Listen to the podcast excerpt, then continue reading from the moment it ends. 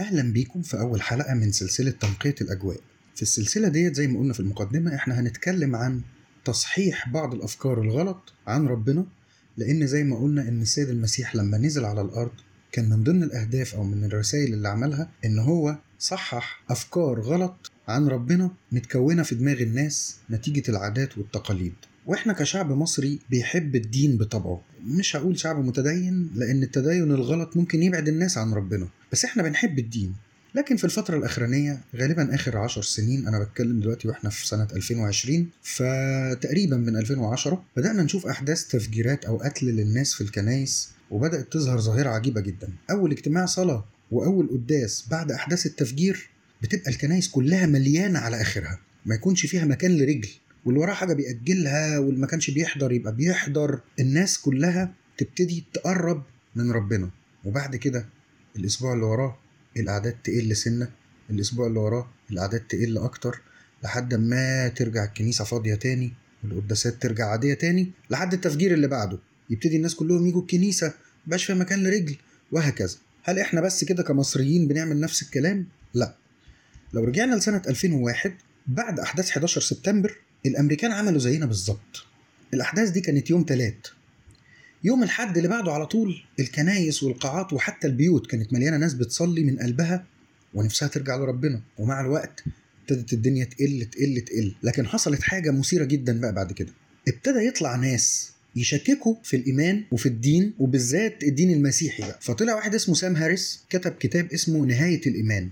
وكان بيتكلم بمنتهى الحماس والبلاغة وبيقول إن الدين أي دين بقى هو سبب كل المشاكل اللي بتحصل في العالم وسبب الإرهاب والتطرف. واستخدم أحداث 11 سبتمبر كمثال على كلامه. في الوقت ده كان الأمريكان متدينين جدا لدرجة إن في 12 دار نشر رفضوا ينشروا الكتاب ده للراجل ده وقالوا له إحنا نرفض ننشر كتاب ضد كل الأديان بما فيها المسيحية لأن إحنا دلوقتي محتاجين نصلي أكتر ونقرب من ربنا أكتر. بس في دار نشر وافقت إنها تنشر الكتاب ده والكتاب ده قعد سبع شهور ونص متصدر قائمة أفضل الكتب حسب نيويورك تايمز. طبعا الناس غضبت غضب شديد جدا وكانوا بيبعتوا له إيميلات ورسائل يلعنوه فيها اللي هو إزاي تجرؤ تتكلم على الدين وخصوصا المسيحي بالأسلوب ده؟ عشان كده كتب كتاب تاني أصغر منه اسمه رسالة إلى أمة مسيحية. في الكتاب ده بدأ يكلم الشعب الأمريكي اللي متمسك بالإيمان المسيحي وبيقول لهم أنتوا يا مسيحيين مشكلة العصر الحالي اللي إحنا فيه. زي زمان ما كانوا الرومان واليونانيين أعظم إمبراطوريات في الدنيا بيؤمنوا بخرافات زي زيوس وجوبيتر والكلام الفارغ ده كان لازم يسيبوا الإيمان ده عشان كان معطلهم. فأنتوا كمان لازم تبتدوا تنسوا بقى فكرة الإله والدين والكلام ده لأنه كلام فارغ وهيعطلكم عن التقدم. بعد كده طلع بعد سام هاريس ريتشارد دوكنز وده طبعا يعني ملحد معروف جدا وكتب كتاب اسمه وهم الإله. وكتب في مقدمة الكتاب ده بيقول بمنتهى التحدي القارئ المتدين لو ابتدى يقرأ الكتاب ده بمجرد ما يوصل للصفحة الأخيرة هيكون اتحول لملحد. حلو قوي سام هاريس وريتشارد دوكنز وناس غيرهم كتير. بقوا مشاهير وبقت بتتباع كتبهم بالملايين وهو بيطلعوا في التلفزيون. وبقوا يقولوا كلام ضد الدين وبالذات المسيحية. ويشككوا الناس. وفعلا بدأت ناس كتير تسمع لهم. وبدأت ناس كتير تبتدي تتحرك شوية خطوات بعيد عن ربنا. مش يلحدوا بس يبتدوا يفكروا كده. اللي هو الكلام ده كلام صح فعلا. كلامهم منطقي. ليه؟ مش علشان الإلحاد جذاب أو ممتع أو منطقي. لكن لأننا إحنا خلينا المسيحية شيء غير جذاب وغير ممتع وغير منطقي.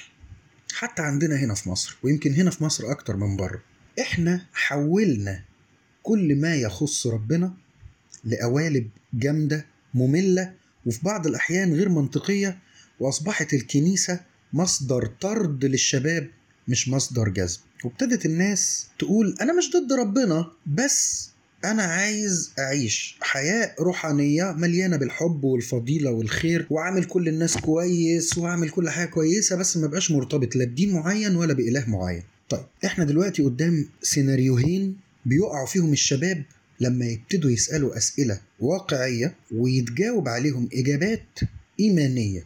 إيمانية غيبية ملهاش علاقة بالمنطق. السيناريو الأولاني أنا شاب كبرت وتربيت في الكنيسة وبحضر قداسات ومواظب وبصلي في البيت بالأجبية وبصوم وحافظ ألحان وبحضر تسبيحة. بس لما كبرت قابلت حد سألني أسئلة تشككني في الإيمان. ولما رحت سألت الكنيسة ردوا عليا ردود إيمانية غير منطقية ما تردش على الشخص ده. أو قالوا لي هو كده إحنا من إمتى بنسأل الأسئلة دي؟ فما عرفتش أرد على الشخص ده فبدأت أتهز من جوايا. ده السيناريو الأولاني. السيناريو الثاني أنا اتربيت في الكنيسة ومواظب برضو على حضور القداسات والصلاة وبصلي في البيت من الأجبية وبصوم باستمرار وحافظ ألحان وبحضر تسبيحة وكل حاجة حلوة وربنا حلو معايا وكل حاجة. وفجأة تحصل لي حاجة كبيرة جدا تهز إيماني بربنا جامد. وأحس كأن ربنا مش موجود في حياتي وإن كل الكلام اللي بيقوله لنا ده كان وهم. حاجة كبيرة بقى موت شخص عزيز عليا أو مرض صعب ومفيش شفا منه أو مثلا آه، أنا اتجوزت شخص والشخص دوت طلع شخص مش كويس بيعذبني. وأما أروح الكنيسة يقولوا لي ده صليبك ولازم تشيليه طول حياتك. حاجات تهز إيماني وتخليني أقول إزاي أؤمن بإله يسمح بالوضع ده في حياتي. واحد صاحبي مثلا يجيله مرض وهو مراته حامل في طفل مثلا في الشهر السادس والمرض ده مرض موت أو أو تحصل له حادثة ويموت اوريدي وعنده أطفال. إزاي ربنا يسمح بحاجة زي كده؟ هو مش عارف إن الدنيا دي صعبة فابتدي أتخانق مع ربنا وأتهز من جوايا ناحية ربنا. السيناريوهين دول وسيناريوهات تانية كتير بتخلي الناس تبتدي تقول هو فعلا في ربنا هو ربنا اللي إحنا اتعلمناه في الكنيسة ده هو ربنا الصح؟ علشان كده إحنا عايزين نتكلم عن بعض الأمثلة عن ربنا الغلط اللي لما إحنا اتربينا وطلعنا عليه بدأنا نشك في وجود ربنا الحقيقي. وأنا هنا مش هتكلم عن ربنا الحقيقي اللي المفروض نؤمن بيه لأن ده له علاقة شخصية فريدة مع كل واحد فينا. ويمكن اللي بيبسطني من ربنا يكون مش بيبسطك أو مش بيبسطك وممكن اختباراتك أو اختباراتك معاه مختلفة عن اختباراتي أنا الشخصية. ده علاقته فريدة مع الأشخاص. لكن أنا هنا عايز أتكلم عن بعض الأمثلة عن آلهة مش من المفروض إن إحنا نؤمن بيها. أول إله هو الإله البودي جارد إيه بقى الإله البودي جارد ده؟ أغلبنا اتربى في الكنيسة وبيربي عياله على إن ربنا ليه ناس بيحبهم اللي هم الناس الكويسين اللي بيسمعوا الكلام اللي, اللي بيصوموا بيصلوا مواظبين على الكنيسة. وليه ناس تانيين ما بيحبوهمش اللي هم الوحشين اللي ما بيعملوش الحاجات دي. فالناس الكويسين هو بيحميهم من الشرور والناس الوحشين بيسبب لهم شرور أو بيسيبهم للشر. طبعا إحنا بنبرر بالإله ده بعض الشرور اللي بتحصل لناس وحشين بقى واللي إحنا شايفين إنهم وحشين. فنيجي نقول فلان عارف ده وحش عارف الشخص ده بتحصل له مصايب ليه؟ علشان هو وحش وما بيروحش الكنيسة عشان ما بيسمعش كلام ربنا وما بيصومش عشان كده حياته مش ماشية حلو عارف مرض الإيدز انتشر ليه؟ عشان ربنا بيعاقب الناس اللي بتعمل الخطية وعايشين حياة غير طاهرة عارف ليه البنت دي ما اتجوزتش لحد دلوقتي؟ أكيد علشان حياتها الروحية مش مظبوطة وربنا مش راضي عنها مين اللي بيقول الكلام ده؟ للأسف الناس المحسوبين على الكنيسة طيب السؤال هنا مين قال إن الكلام ده صح؟ يعني فين في تعاليم الكنيسة اللي بيقول إن اللي يمشي مع ربنا حياته هتكون خالية من المشاكل وإن الحاجات الوحشة ما بتحصلش للناس الكويسة. ده إحنا لو رجعنا لتاريخ الكنيسة لو الكنيسة الأولى كانت بشرت بالموضوع ده للناس ما كانتش المسيحية كملت القرن الأول. لأن منذ ميلاد الكنيسة أي حد بيؤمن بالمسيح كانت حياته بتتحول لجحيم كان بيتبهدل. ده المسيح نفسه. اتبهدل واتهان واتعذب على الصليب. مش معنى إن إحنا في الكام قرن الأخيرين دول عايشين في سلام وما عليناش اضطهاد يعني اللي هي العذابات القوية زي القرون الأولى؟ يبقى إحنا كده نبتدي نقول إن ده نتيجة إن إحنا مقربين من ربنا، لا. وإن ربنا ده بقى بودي جارد بيحمي ولاده من أي شر وبيبعد عنهم الحاجات الوحشة عشان هم مؤمنين بيه ومواظبين على الصلاة والصوم والحاجات دي بقى ونقعد نقتطع آيات بقى من الكتاب المقدس تؤكد كلامنا، نقعد نقول بقى مش هو قال يرسل ملائكة تحملك فلا تعثر بحجر رجلك أكيد هيحميك. بس أنتوا عارفين مين اللي اقتبس الآية ديت في كلامه؟ الشيطان لما كان بيجرب المسيح على الجبل. لأن الشيطان عارف إنه يقدر يلعب بآيات الكتاب المقدس ويقنعك باللي هو عايزه. لو أنت كنت مؤمن بالإله البودي جارد ده اللي بيحمي ولاده اللي بيحبوه اللي بيسمعوا كلامه وقررت إنك تسيب ربنا عشان أنت شايف إن ربنا كده لأ أنا بقول لك سيب الإله ده لأن ده مش إله حقيقي. روح للإله الحقيقي. يبقى ده أول إله غلط الإله البودي جارد. تاني إله الإله اللي تحت الطلب. ده بقى اللي لما بنطلب منه أي حاجة في أي وقت بيرد علينا. طالما حاجات سهلة وبسيطة يعني أنا ما بطلبش منه يقلب العالم يعني ولا يقوم موتى أنا بطلب مثلا طلب بسيط زي مثلا أنا عايز أرتبط. أنا بنت وسني كبر وعايز أرتبط. أنت ليه مش مخليني أرتبط؟ ده مش حوار كبير يعني. هنا إحنا بنخلي ربنا يعمل معانا زي ما إحنا ممكن نعمل مع الناس اللي حوالينا. يعني أنا لو عندي قدرة إني أحل مشكلة شخص وأنا قررت إني مش هتدخل في حلها الناس هيقولوا عليا إني إنسان مش كويس. فأنا هنا خليت ربنا في نفس القالب اللي هو إيه؟ أنت قادر إنك تحل مشاكلي وأنا مش بطلب منك معجزة يعني ده ارتباط أو أو أو شفاء من مرض خفيف يعني. أنت قادر إنك تحل وما بتحلش يبقى أنت كده إله مش كويس. المشكلة هنا بتبقى في توقعاتنا. إننا لما هنطلب من ربنا معجزة هيعمل لنا معجزة وبرضه بنرجع لآيات من الكتاب المقدس. فلما مثلا هنطلب طلب بسيط زي الارتباط مثلا حاجة ما فيهاش حاجة غلط هيقوم يحرك الدنيا كلها بقى وينفذ لنا طلباتنا. وهنا يجي السؤال تاني. مين قال في تعاليم الكنيسة كده؟ مين بيقول إن وظيفة ربنا إنه يشتغل خدام عندنا وإننا لما نطلب طلب معين ينفذه في وقته؟ مفيش حاجة في إيمان الكنيسة كلها بيقول إن ربنا لازم يرد على صلواتنا وطلباتنا في وقتها ولا أصلا إنه يرد أو يستجيب. وإحنا لازم نشكر ربنا على حاجة زي دي لأن أكيد حد مننا اتعرض لموقف إنه طلب من ربنا حاجة وفضل يطلبها كتير كتير والحاجة دي اتحققت له وبعد ما اتحققت قال يا ريتني ما كنت طلبتها. وكمان لو أنت بتطلب ضد شخص شخص بيضايقك وبتقول له يا رب اعمل فيه وسوي و... وأنا عايز الشخص دوت يتجازى ويتعاقب. طب ما في واحد تاني بيطلب ضدك. فلو ربنا بقى شغال عندنا بينفذ كل طلباتنا يبقى زي ما انت بتطلب ضد شخص يبقى في شخص بيطلب ضدك وربنا هينفذ ضدك زي ما بينفذ معاك. يبقى إحنا نشكر ربنا ان هو مش تحت الطلب. ولو انت كنت مؤمن بالإله ده اللي هو الإله اللي تحت الطلب ده وسبته يبقى يا بختك. لأن ده مش ربنا الحقيقي. وده تاني إله أو تاني نوع من الإله الغلط اللي إحنا بنؤمن بيه. تالت نوع بقى.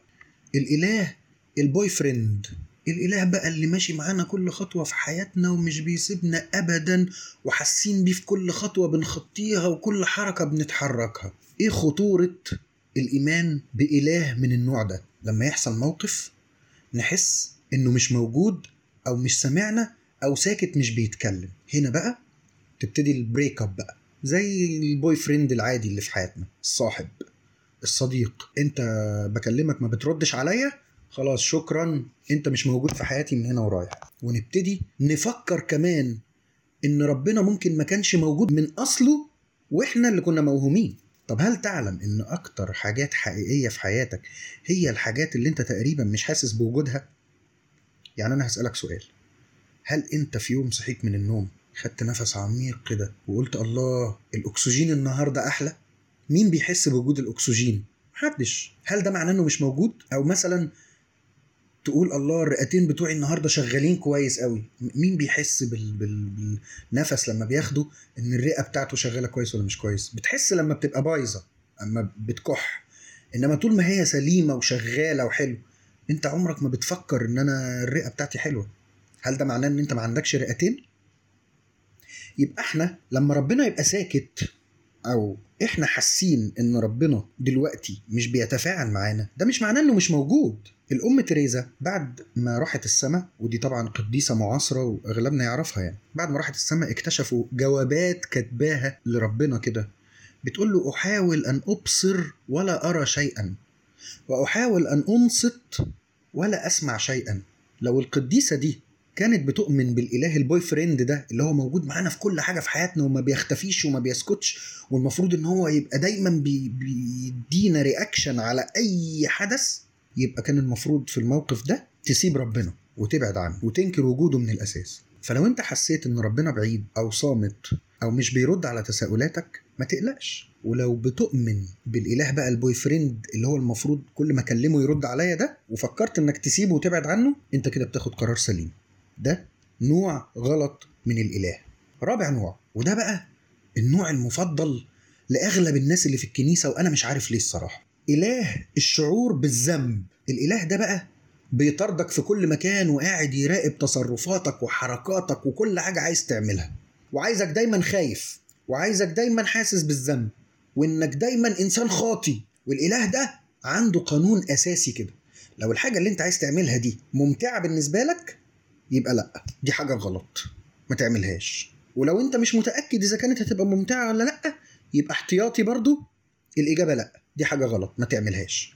والسؤال هنا مين قال إن حياتنا مع ربنا لازم كلها تبقى دموع وندم وحرقة وتوبة وحزن وتبكيت نفس وحرمان من الملذات حتى الملذات العادية يعني الأكل والشرب مثلا؟ فين في تعليم الكنيسة اللي بيقول إن ربنا عايزنا نفضل عايشين طول عمرنا في كآبة ونكد؟ ده حتى الإنجيل بيقول افرحوا في الرب كل حين وأقول أيضا افرحوا. يبقى إزاي إحنا نقول إن إحنا لو فرحنا وبان فرحنا إحنا كده بنضيع وقار الإيمان؟ مين قال كده؟ ليه نصدر للناس إن ربنا عايزنا حزانة ومكتئبين؟ يعني أنا فاكر إن في واحد مرة كان شعار حياته كده آية في سفر الجامعة الحزن خير من الضحك لأنه بكآبة الوجه يصلح القلب. طبعا هو قاطع الآية ديت كده من سياق حوار كبير واخدها شعار لحياته. عيش حزين لأن لازم تبقى كئيب. مين قال كده؟ مفيش حد حتى في الكنيسة الأولى آمن بهذا الإله أو بشر بيه يعني إله الكآبة والشعور بالذنب ده. خامس نوع غلط من الآلهة بقى وده هيبقى النوع الأخير اللي هنتكلم عنه في الحلقة دي. وهو بصراحة نوع شائك حبتين. الإله المضاد للعلم.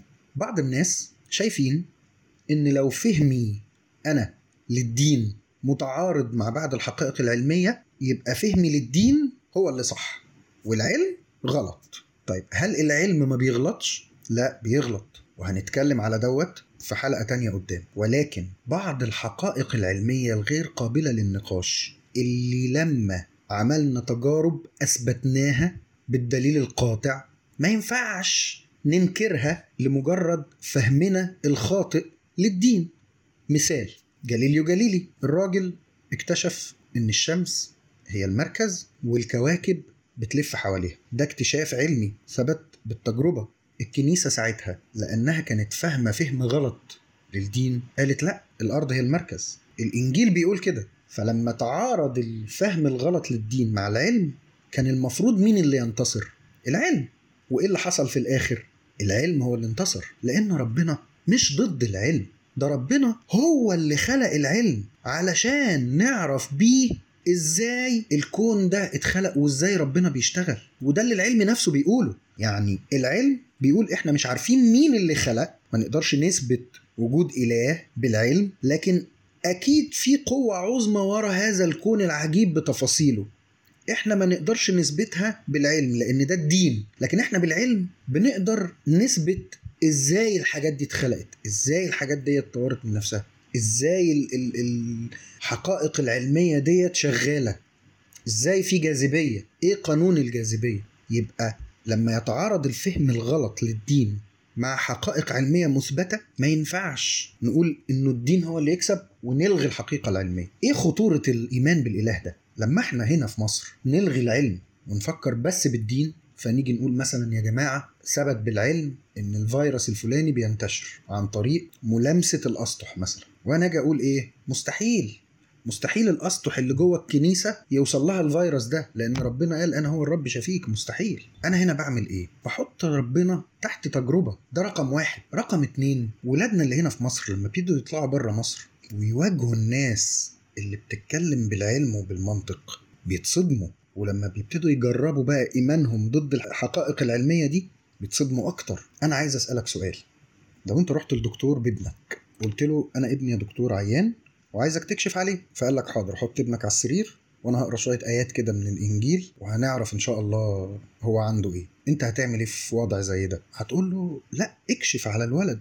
حط سماعتك واكشف عليه. هات الأدوات بتاعتك واكشف عليه. أنا عايز حاجة علمية. طبعا ربنا هو اللي بيشفي. لكن أنا جاي لك ليه كدكتور؟ طب ما أنا كان ممكن أقرأ أنا من الإنجيل في البيت عليه وخلاص. تخيل بقى أنت مثلا طلب منك أشعة أو تحليل. فأنت رحت لمركز التحاليل عملت التحليل ويوم استلام النتيجة جم قالوا لك النتيجة إن ربنا عايز يوصل لك رسالة. هترد عليهم تقول لهم إيه؟ أنا عايز أرقام عايز علم.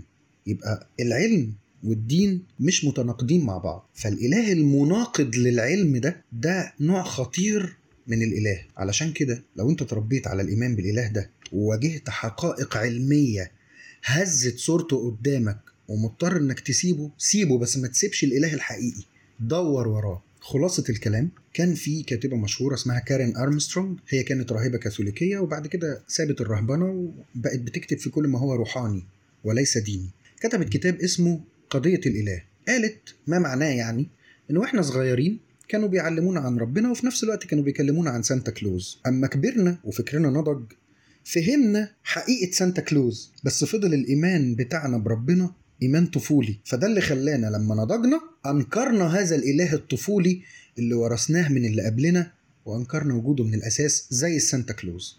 في الحلقة دي أنا ما اتكلمتش عن ربنا الحقيقي اللي المفروض نؤمن بيه لأن زي ما قلت في البداية ده له علاقة شخصية فريدة مع كل واحد فينا.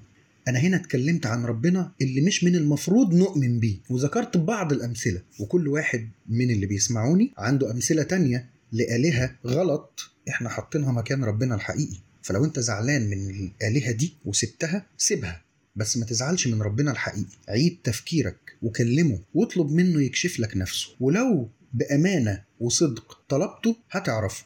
وهتعرف الفرق بينه وبين كل الآلهة دول وغيرهم اللي العالم بيصدرهم للناس على أساس إنهم ربنا. الفكرة هنا إن في لحظة ما لازم إيماننا ينضج ونقول مع القديس بولس الرسول زي ما قال في الرسالة الأولى لأهل كورنثوس إصحاح 13 آية 11 لما كنت طفل كطفل كنت أتكلم وكطفل كنت أفطن وكطفل كنت أفتكر ولكن لما صرت رجلا أبطلت ما للطفل.